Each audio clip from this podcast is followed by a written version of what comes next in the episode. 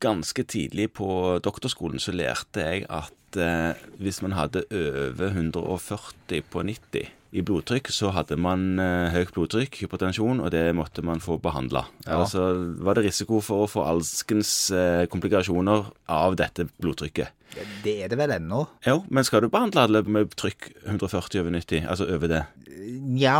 eh, Det er jo ikke bra vær der. Nei, det er ikke bra men, men vær det er der. klart at hvis vi skulle behandle de, så hadde vi vel behandla en tredjedel av Ja, befolkningen ja, hadde man ikke det? på et tidspunkt. Ja. Jeg har gjort noen studier på det som viser at det blir fryktelig mange. Ja. Og det som, som veilederen sier noen ting om, er at kanskje ikke. Veilederen i primærforebygging av hjertekar. Jep. Veilederen i primærforebygging av hjertekarier. Eh, Det er en veileder for det òg. Det er en av disse 50-100-5000 veilederne vi har. Ja.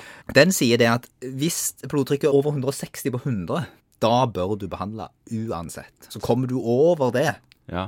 på en eller annen måte, offshore-attest eller en eller annen som kommer og spør, eller en gravid, eller hva som helst ja, da skal du ikke se det an mer. Nei, nei, det skal du ikke se den. Du kan, kan godt være du skal ta pasienten tilbake en uke etterpå og måle det en gang til.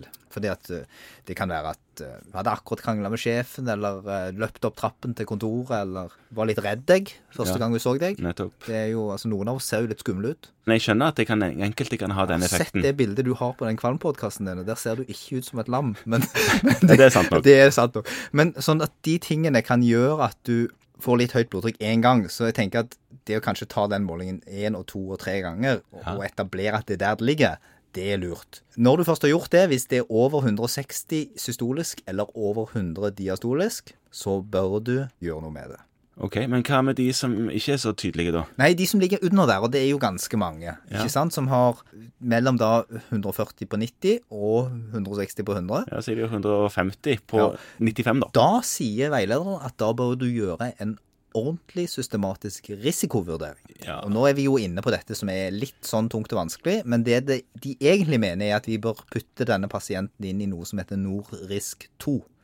Så der, da forsvinner alt det diffuse som ligger i hva du kanskje tenkte når du sa risikovurdering, Ja. og så ble det ekstremt konkret. Det blir veldig konkret, for det, det er et skjema. Ja. Eh, Og det skjemaet det ligger på Nell, og det ligger på nettet flere andre plasser. Og da Du, skri- og linkes fra helsebiblioteket òg. Hell, og det, det er en risikokalkulator, og den r- regner da ut risikoen, tiårsrisikoen, for akutt hjerteinfarkt eller hjerneslag Ja. de neste ti årene. Og parameterne som ligger inne der, er jo om du er mann eller kvinne. Det er jo mye mer risikabelt å være mann enn å være kvinne. Mm. Sjansen for å dø av hjerte-karsykdom er mye større. ja. Om du røyker, om du tar blodtrykkssenkende medisin.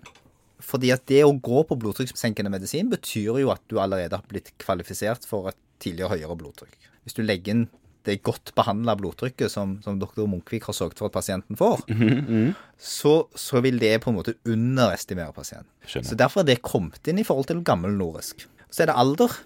Gammel nordisk, ja. For dette, er den, dette er nummer to, ja. Dette er nummer to. Og i én var ikke det med. Det, sant? igjen var ikke det. Nei, nettopp. Så dette er kommet inn nå, det er veldig fornuftig. Og så er det alder, og den funker kun for folk mellom 40 og 79. Før 40 så har vi ikke gode data, eh, så da må du på en måte tenke sjøl. Etter 79 så er tiårsrisikoen for akutt hjerteinfarkt, slag eller død ganske høy uansett. Og det gjør sånne kalkulatorer litt vanskelig å bruke. Dette er jo en norsk kalkulator. Det er det som er veldig bra med denne kalkulatoren. Ja, For det, den det- er- det er jo andre kalkulatorer òg, sånn som cardiovascular risk-kalkulator og Framingham. og, Ja. og, og, og, og disse er veldig bra, men disse er ikke lagd på norske data. Nei, og det er denne, Denne er lagd på norske data. norisken. Ja. Sånn at den er veldig anvendelig for vår populasjon. Ja.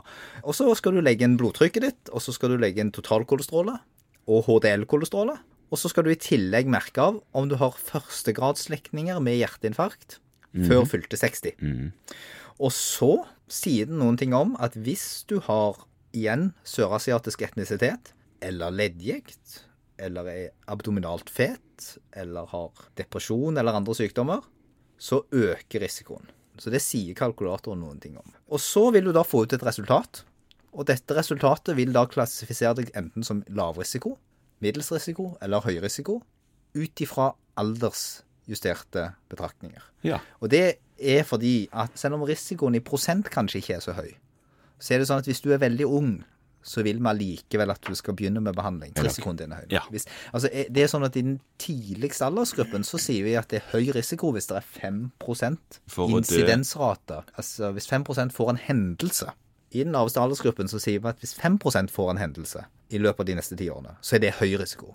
Mens i den eldste aldergruppen, altså de på mellom 65 og 75 år, så er det tilsvarende 15 Man skal leve så mange år med en eh, relativt høy risiko hvis Ja. man har den fra ung alder. Og så er det det at utgangsrisikoen endrer seg. Ja. Så hvor mange får dette hvis de er på en måte helt knall friske? Og det blir jo ikke bedre enn det, uansett. Det samme gjelder faktisk for kolesterol. Altså, hvis du tilfeldig måler et kolesterol Det gjøres jo nå en masse overalt rundt omkring. Så måles det kolesteroler. Det er jo sånn, De løper jo etter deg med sånne kolesterolmålinger hvis du går på apoteket for å kjøpe hudkrem. Og så er det jo sånn at mange tenker at den kolesterolmålingen, den må man jo ta fastende, men det trenger man jo egentlig ikke. Nei, ikke totalkolesterol. Poeng. Men poenget var at hvis kolesterolet ditt er veldig, veldig høyt, over syv, Ja. så bør du nok ha behandling uansett. Mens hvis det er under det, men over fem som er anbefalt, så må du inn i Norisk 2 igjen. Å gjøre en vurdering. Så egentlig så kan vi jo si at disse her som kommer på sånn der en EU-sjekk eller helsjekk eller alt mulig, de bør man bare plotte inn i den der Norisk 2-en.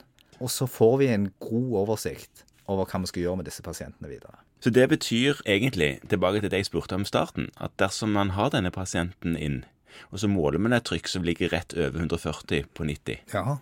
da trenger man egentlig ikke å hive på det i ACE-hemmer med én en eneste gang. Nei, på ingen som helst måte. Man skal gjøre en risikovurdering, og det gjør man gjennom Norisk 2. Og hvis så tar den man- kommer ut som lav, til tross for det litt høye blodtrykket, Ja. så skal man egentlig bare si at ja, da kan du komme gjennom et år, og så sjekker vi hvordan det ligger an da. Kanskje motivere litt til vektreduksjon og kostholdsting og sånne ting, hvis det Du er vet, muligheter for det. er aldri feil. Nei, sant. Nei. Nei.